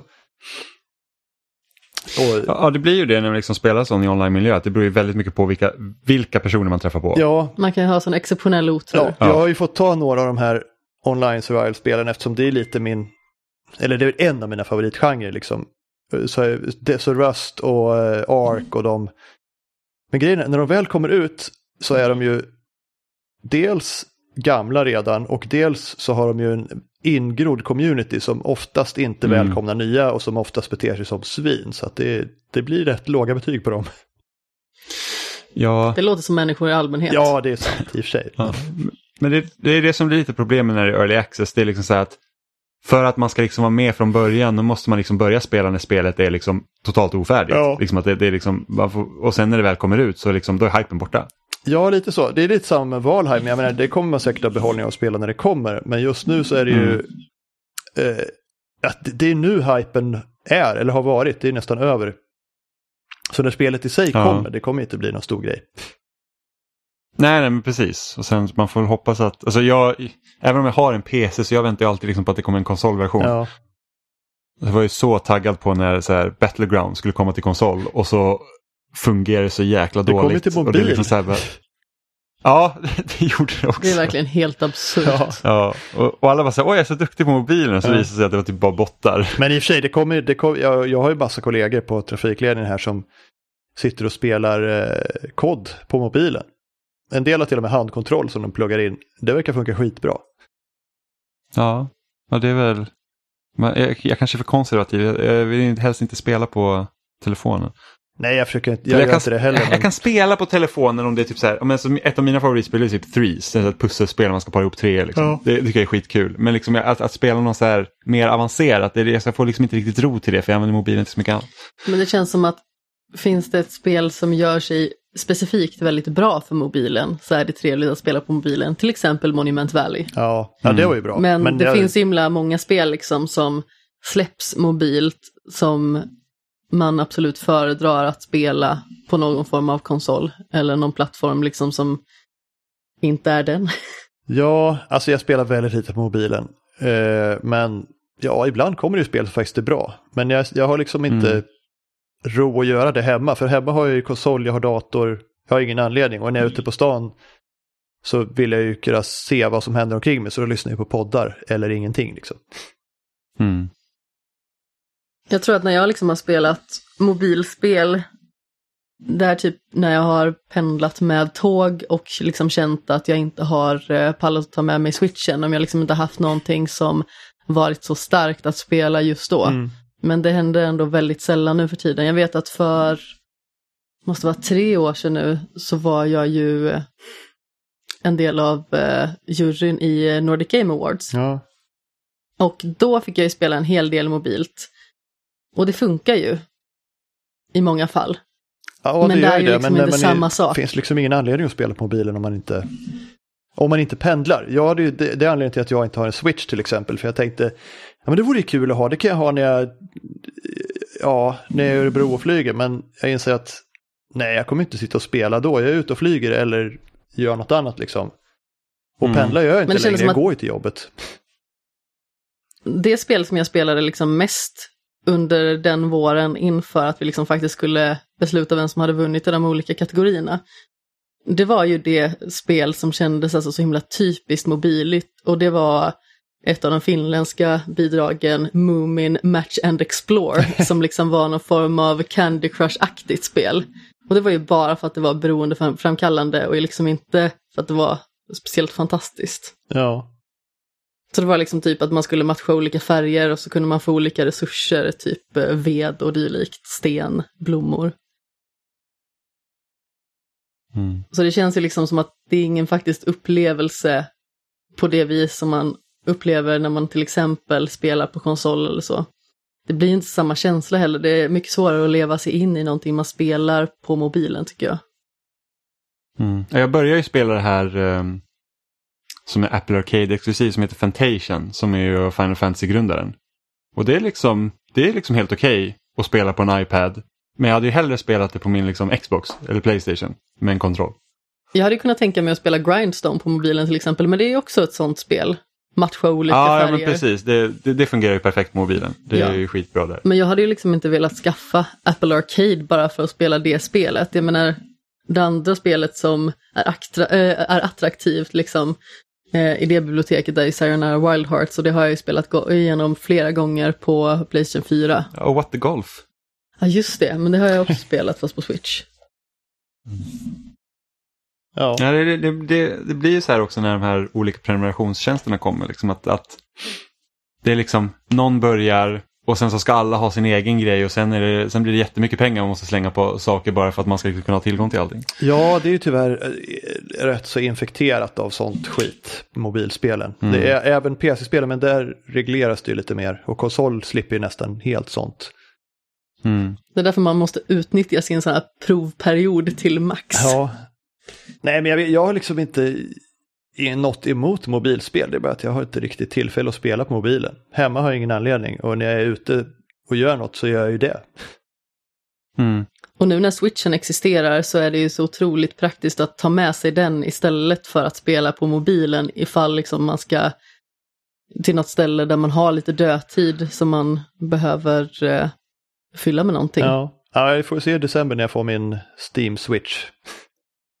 ja, Sin Stitch, ja precis. Kan du spela Valheim överallt? Ja, exakt. Eller det, det kommer nog bli en del farming sim. Om jag liksom får radiobilen på jobbet och har tråkigt. Under rusningen ska man ju sitta några timmar Max. och, och vara beredd liksom. Men hur kommer det sig liksom att du har fått upp intresset för farming sim? Bra fråga. Jag provar Liksom, hur, liksom, Eh, bara så här, nyfikenhet eller liksom? Ja, men alltså, jag har ju "Det här blir alltid kul." gillat simulatorer. Eh, mest flyg då från början, men, men sen blev det lite av en grej att jag skrev om simulatorer. Eh, och så startade jag och Christian Hedlund en YouTube-kanal som hette Simulatorsöndag.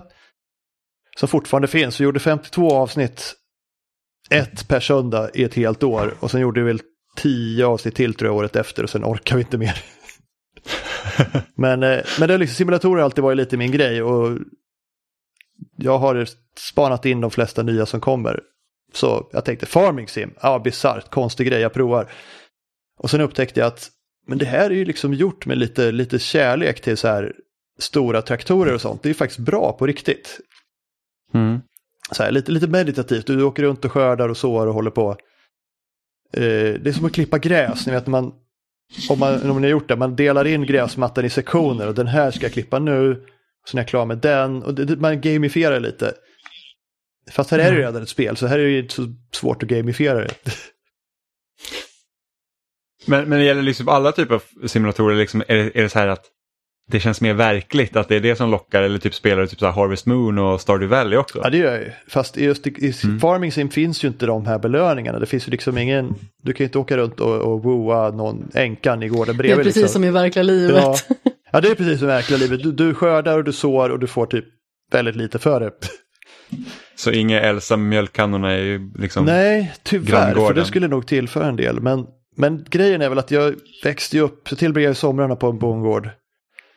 Eh, och lärde mig liksom hur de olika maskinerna funkar, så jag var med och tog in höet och sådana grejer. Så det är väl lite det, att är liksom fascination för de här maskinerna och processerna och samtidigt så är det lite en meditativ upplevelse att bara sitta och spela något som inte har något mål egentligen. Det, du, du sparar Mm. ihop pengar för att köpa en lite bättre traktor som du kan använda för att få råd med en lite bättre traktor och så vidare. Så Men det är ganska roligt för att simulatorer är någonting som jag liksom förknippar väldigt hårt med dig Mats. ja, jag vet. Det, Alltså jag för mig att eh, när eh, du och Tove var med på Spelhjälpen 2016 har jag väl för mig till och med att ni spelade just Farming Sim. Ja, vi har varit med på ett par sådana tror jag. Och det var väl en gång tvingade jag henne att spela Farming Sim, en gång skulle jag lära henne att spela Kerbal Space Program. Har jag för mig.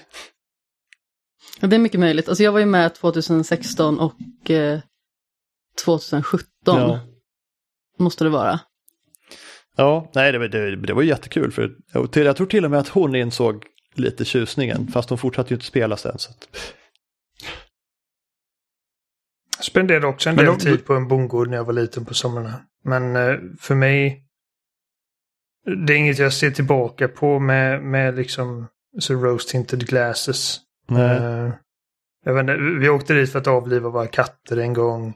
Skördetröskan strimlade liksom eh, ett rådjursbebis en gång. För att eh, så här, rådjuren hade liksom gömt sina ungar typ i det här höga gräset. ja, Och, och den här stora maskinen kommer så bara pff, och så hör vi en massa skrik och liksom det är typ en liten rådjursunge typ vars ben och bara typ hänger i slamsor. Och Edgar fick hämta hammaren för att slå ihjäl den och det liksom bara typ väldigt traumatiskt. Ehm, ja, det låter som du hade en annan upplevelse Oliver, jag vet inte om jag landet. vill att du ska dela med dig mer av dina barndomshistorier.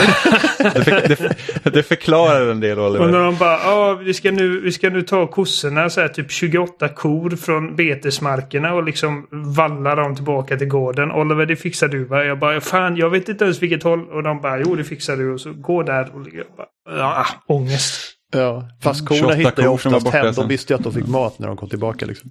Ja, jo, alltså de, de gick ju dit de skulle, men, men det, det litade inte jag på att de skulle göra. Och jag hade liksom här typ prestationsångest för att jag liksom åtta år helt själv eh, Ja. i skogen liksom. Och bara, vad gör jag ifall en ko bara springer iväg? Ja. Ja, en, grej, en grej man inser när man träffar en, en riktig ko för första gången är ju att det här är ett djur som väger som en småbil. Den skulle ju bara kunna sätta sig på mig och jag skulle dö. Ja. Om, om inte den vill kan- göra som jag vill, då gör den inte det. Liksom. Nej, precis. Jag har inget att säga till om. och så vidare. Nej.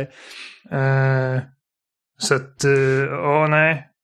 Och typ skabbiga rävar kommer jag ihåg också att de kom. Typ, såg ut som döden. Var det här ert landställe, låg det strax utanför Tjernobyl eller? Ja, Kor kan väl ha tre huvuden? Ullared. ja, det kanske är Sveriges Tjernobyl. Ja, men det, det är faktiskt eh, lite samma Ja, sak. det är lite världens Ja. ände fast i Sverige. Ja. Ja. Alltså jag bodde ju faktiskt eh, ute på landet när jag var liten och fram tills att jag var sex år. Och där fick man ju också se ganska mycket roliga företeelser med liksom så här älgar och rådjur och sånt där.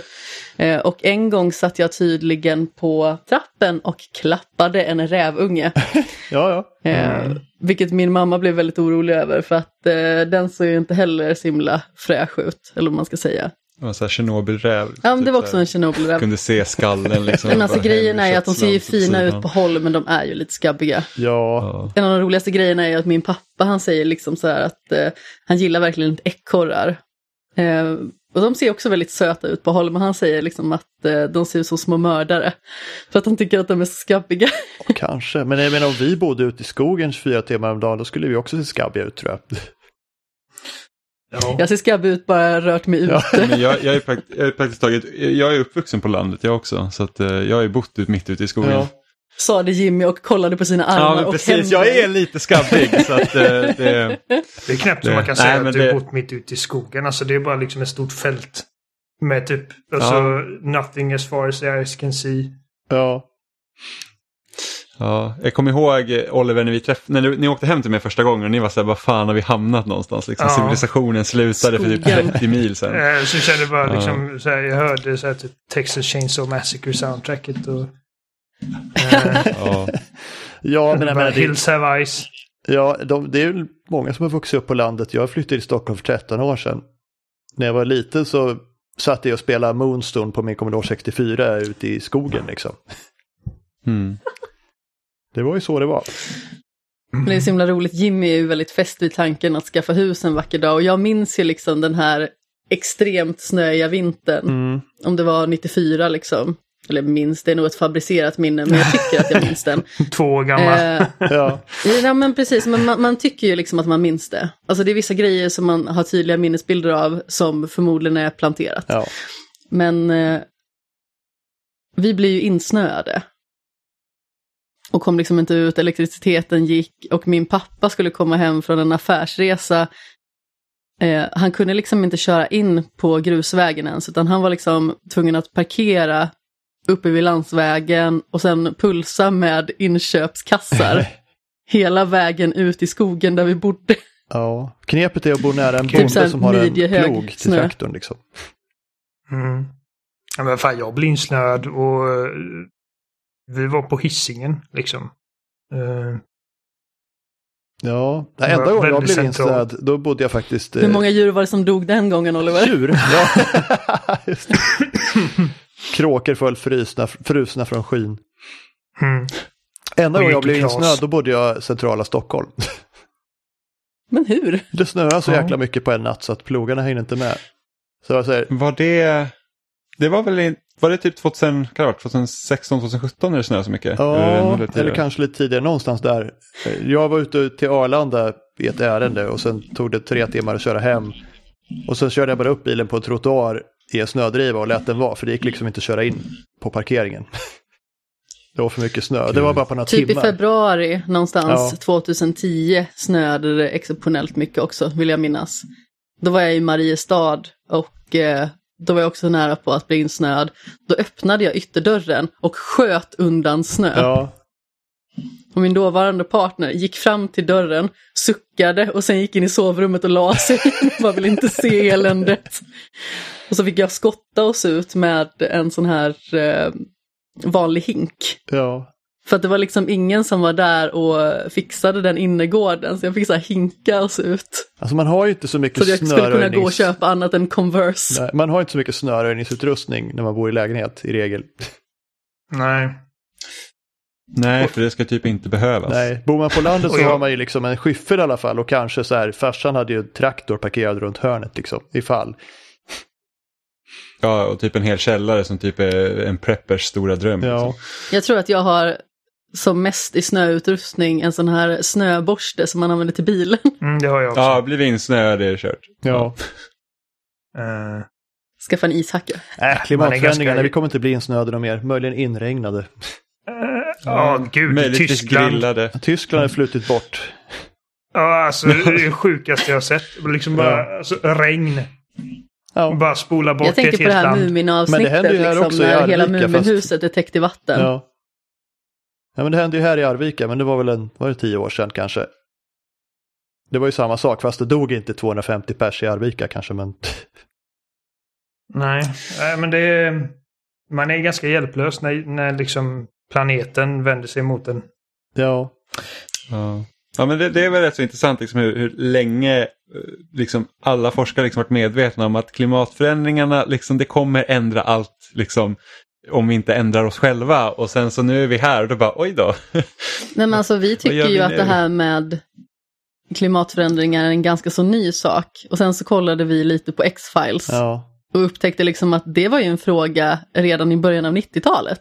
Ja, gud, ja. Ja, det, jag, alltså, jag, jag, inte- jag såg någon sammanställning igår, då var det så här att redan 70-talet så började forskarna säga att vi måste, det, det går, liksom, det är inte hållbart. Jo, jo, absolut. det inte- Men det är ju liksom- väldigt sällan det blir liksom så pass påtagligt att det faktiskt har existerat mycket längre. ja men nu än börjar det vad man faktiskt liksom märkas. ser. Ja, nu kommer ju de här naturkatastroferna som man har pratat om, att de kommer bli vanligare. Nu är de vanligare.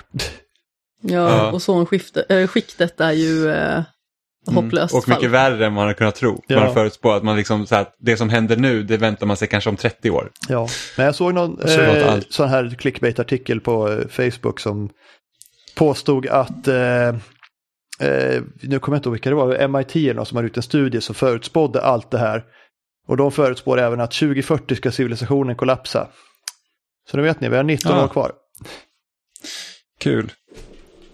Fan skaffar man barn. Det- Vi hinner mycket på 19 år. Ja, Men då, då så här, så den här artikeln sa de också det varför civilisationen kollapsar. det var lite Liksom- otydligt. Ja, Det är, så här, är, är det någon så här typ, har vi kommit fram till att liksom göra så här eh, självtänkande robotar eller är det kärnvapenkrig eller vad är det? Liksom? Jag tror mer det var att En En allting går åt fin helvete. kombination av allt. Ja, allt går åt helvete samtidigt i största allmänhet liksom. Ja, okej. Havet väller in över sina vallar och, och folk börjar skjuta varandra på gatorna samtidigt som ingen har någon mat och eh, det blir så varmt så ingen har någon vatten heller. Ja, typ den grejen. Ja. Och sen försvann luften i hela världen. Ja, Mad Max. Och Då är det, och då är det Mats, du börjar träna det här i 40 år. Liksom. Ja, Tv-spel. Nu jävlar, nu då kör är det vi. våran tid liksom. Min tid är inne. Ja, ja, men precis. Alltså den här klimatfrågan är ju inte alls ny. Alltså det, Nej, det snackar jag om liksom ozonlagret när jag var liksom i skolan när man var typ sex år. Alltså, Ja. Ja, och det, och det var ju faktiskt något vi lyckades hindra.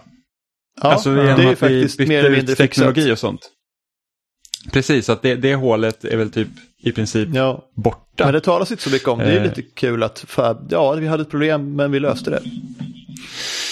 Ja, och det, men jag tror också det att på grund av att vi löste det så har folk liksom så här att ah, vi tar det när det kommer. Vi löser det nog då också. Ja, fast det, ja, grejen, Men det är det som nu- är nu en ska stor vi del av problematiken. Det Liksom. här blir podd och klimatförändringar, men grejen med det var väl att när det var, när det var för sent för att lösa det, det var kanske 20 år sedan. Liksom. Mm. Nu kanske det redan är för sent, nu får det nog bara stå ut. Jo, det Ja. jag menade bara med det hela var ju liksom att jo, alltså jag, jag alla får det att låta som att det är en så pass ny grej, men det är ju någonting som pågått så himla mycket Mm. längre Ja, än vad det liksom till synes har Ja, gjort. det- Och det har blivit mer av en liksom politisk fråga också nu än vad det har varit förut. ja, Ehm, Ja, man börjar väl inse kanske att det är de stora företagen man måste täppa till och inte liksom typ göra ja. så att folk skäms för att typ ta bilen. Det, alltså, det spelar kanske inte så stor roll om jag kastar ett sugrör eller använder plastkassar liksom. När så här multi, eh, multinationella företag vräker ut tonvis med plast i havet liksom. Ja men precis och typ så här 30 fotbollsplaner skog skövlas från Amazonas per Ja. dag. Liksom. Men resultatet av det blir nog bra. ja, blir det nog. men jävlar vad, jag, jävlar vad jag måste skämmas när jag köper en plastkasse på ICA. Men det där med alltså sugrören är Nej, liksom alltså... Jag skäms inte för att det, det är ju, plastkassar är ju mer miljövänligt än tygkassar. Så länge du inte återanvänder tygkassar 60 gånger eller vad det är. Liksom. Ja, Men varje gång jag är grinig över, över att jag inte har plastsugrör på bio så tänker jag på den här videon med sköldpaddan med ett sugrör i näsan. Och jag bara okej. Åh, Alltså plastsugrör kan jag faktiskt leva ute. Jag brukar inte ens ta sugrör på, om jag käkar ute någon gång. Det har jag aldrig gjort. ja jag, tror att, jag tror att det är att plastsugrören försvann är sämre för sådana som har eh, väldigt specifika funktionshinder. Ja, Som, Jo. som är bra att de har plastsugrör. Så att det är liksom... Jo. Så det är lite... ja, Det, det, det är en balansgång vad man liksom ska ta bort och vad man kan ha kvar. Och lite. ja, Jag är en sån som liksom inte använder sugrör så jätteofta, men jag minns sist jag köpte en milkshake på McDonalds, då kloggade papperssugröret ihop. Ja men precis, man, man, man, det, är liksom Ja, det är ett- lite det, det är ett race mot klockan där när man ska dricka Ja, sin milkshake. Det är så att, ja men alltså, Man måste vara Jimmy för då ska det gå fort. Ja. ja. Amanda, så här, förhoppningsvis får ut en fjärdedel innan sugröret är liksom Men jag vill bara obrukbart. ha, jag Ja, vill ja, bara jag dricker ju så sugrör. jäkla långsamt. Ja, jag vill bara ha sugrör som är gjorda av eh, så här, samma material som glasstrutar. Så man kan äta det när man är klar. Ja, den här rånen. Ja, Ehm, Ja. Man får Eller väl typ börja ta med de sig här- egna sugrör antar jag. ja, ja det kommer Ifall- att bli en innegrej med så här, vad heter det, crazy straws, spiralsugrör i olika färger. Ja, men jag skulle precis säga det som liksom var poppis i slutet av 90-talet Ja. på typ barnkalas och sånt som är i hård Ja, jag hade Och sen dyker det väl upp Sen dyker det upp så här tio stycken startups i Stockholm liksom, som ska sälja sugrör. Ja men precis, och sen så hade man en sån här liten figur med Scooby-Doo på. Det kan bli Kommer nästa aldrig Philips glömma- spinner, ni hörde det här först. Mm. Kommer, kommer aldrig glömma med tjejen som var så här med i så här, eh, Handelshögskolans inkubatorprogram som då skulle sälja miljövänligt te hon importerar från Kina. Mm. Och man var så här, hur tänkte du nu? Miljövänligt. Liksom, var, varför, var, varför är det bättre att ta det här blå teet från Kina än liksom ha svart te någon annanstans ifrån? Det Liksom? var väl miljövänligt när det började resan kanske. Ja, jo, precis. eftersom det är det- Kina. Nej, Hon hade inte riktigt något svar på det när jag frågade. Jag kände mig lite taskig. Liksom. Nej, det är väl helt Vad är- rätt. så jag bara så här, vad, vad, vad, liksom, vad är tanken här liksom, med, med att liksom, Ja. det är väl bara att inte dricka te då om man är så... Uh, Alltså jag har Liksom nyligen slutat med miljön. kaffe så jag dricker ju bara te nu. Ja men te- tefolket, eh, det är bra. Jag, jag dricker inte heller kaffe så att eh, te. Ja. Men vi kan bara konstatera Jag är Red att om Bull-folket. 19 år så är alltså Frostpunk en utopi. Sluta. Ja, precis. Jag, Vad kul vi ska jag, ha. jag har sån jävla ångest över detta som det är fan. Jag, jag, Jag känner så är lite det, det finns ingenting jag kan göra. Jag kan liksom inte göra någonting åt det. Jag sitter liksom inte på den maktpositionen. Så att jag, liksom, Nej, man kan försöka göra Man får bara så hoppas det att det lilla inte går man kan, helvete. liksom, men på det stora hela Ja. kommer ju inte vi ha någon jättepåverkan. jag behöver liksom inte tömma soporna precis utanför balkongen. Nej. Liksom, så att, det- Fast snart kanske du måste men det det, för att det kommer som- översvämmas så du kan inte gå ut till soprummet. ja, ja, men precis. Det är sant. Jag tänker lite på den här eh, texten i eh, Bo Burnhams eh, All Eyes On Me. Där han liksom eh, sjunger, du säger att haven höjer sig som om jag skulle bry mig. Eh, och du säger att världen håller på att gå under, den har redan gjort det. Ja, det är väl lite så Ja. kanske, tyvärr. Ja, ja men det, det, det, det blir spännande några år framöver att se vad som händer. Liksom. Ja, spännande är väl kanske inte Spännande. riktigt Jo, det är rätt spännande. Jag har popcorn i högsta hugg. Jag sitter på första parkett. Och jag sitter och gömmer mig inne i sovrummet i så här fosterställning. Ja. Ja. Nej, jag är fortfarande, Jimmy, jag är fortfarande optimistisk. Jag tror liksom att vi kan lösa det, men det, grejen är att vi kan ju inte förebygga det längre. Det är för sent. Det kommer ju hända liksom någon slags katastrof. Nej. Lösa tror jag är tveksamt. Ja, men- Däremot förhala. Överleva och, och liksom ta oss igenom det med, med Ja. hjälp av teknologi. Liksom. Det är nog enda Mm. sättet nu. Ja. Och sen vet vi inte heller hur väl liksom, planeten kan reparera sig själv heller. Nej, Det- Alltså det är liksom att, att, att vi vet liksom inte, vi vet att, att, att liksom planeten kan liksom komma tillbaka. Man har ju sett olika liksom, så här experiment de har gjort när de har trott liksom att ah, men det här beståndet är liksom helt kört och sen så bara oj, det hela sig bättre än vad det kunde. Men det kan man inte räkna med heller. Man får ju bara utgå från att eh, typ sämsta möjliga scenario och sen så kan det bli bättre. ja. Ja, och sen så en, som, en grej som har haft väldigt stor påverkan är ju liksom den extrema utveckling som jorden har gjort liksom bara de senaste hundra åren. ja. Och då vet man ju liksom inte riktigt hur väl vissa ting i naturen adapterar sig till det. Nej, precis. Mm. I och med att det faktiskt går så pass fort. Jag menar, vi har ju en någorlunda överskådlig blick över hur evolutionen har sett ut. Och det är ju liksom inte bara några hundra år, utan det är ju betydligt fler nollor på det där än så. Ja, men det här Mm. kanske är nästa Och stora... de sista hundra har det gått nästa stora kanonfort. mass extinction. Det kanske är vi. Men det har varit, det har Ja. varit meteorer, det har varit förmodligen klimatkatastrofer förut, så vi kanske ställde till med nästa klimatkatastrof. Som utrotar Ja. 90 procent av eh, allt levande. Men det har ju hänt förr, det kommer hända igen. Ja. Varför finns det inga spel om Bara det här de tänkte jag säga. överlever. Sen insåg jag att det skulle vara så otroligt deprimerande så man skulle ju bara skjuta sig efter att man har spelat det. Fast ärligt talat, Frostpunk, alltså om man nu tänker det, det är ju, otro, alltså, det är ju ett deprimerande spel om något. Ja, det är det, men det är ändå lite glimten i ögat liksom. På något Och ändå sätt. vill jag spela det. Ja, jag tror jag aldrig varit så stressad när liksom har kommit in en snöstorm och jag känner så här att jag har liksom inte tillräckligt med resurser för att ta mig igenom det här Nej. utan att typ halvera min, min liksom, mitt invånarantal Och här. spelet, Bränn allt! spelet tvingar att välja mellan att sätta dina barn i slaveri eller äta dem. Det, är liksom, Ja, det finns precis. bara, alternativ. Och sen så bara, ja men alltså kan vi äta barnen då har vi några mindre munnar att föda. Ja. Så att, eh, Alla vinner. Ja, precis. Utom barnen då. är du men seriös? Det, ingen gill. Kan man äta barnen i spelet? Det tror jag säkert. Jag kommer inte ihåg, jag har bara spelat några timmar. Men det, det, finns, det Ja. finns alternativ. Slav, Slaveri. Slaveri finns. Ja. Du kan liksom gå helt in, du kan liksom så här försöka få ett demokratiskt styre liksom i din stad men till slut så det, det, det pressar dig nästan hela tiden till att säga nej nu går vi full fascist här för att det annars håller det annars inte. blir du bara avsatt för att du är dålig på ditt Ja. jobb. Liksom. Ja, ja, men, ja precis men sen så jag tror att jag i en spelomgång så typ kom ju invånarna med högafflar och typ i princip mördade mig för att det gick så dåligt och sen så gick staden under för att sen hade det inget styre.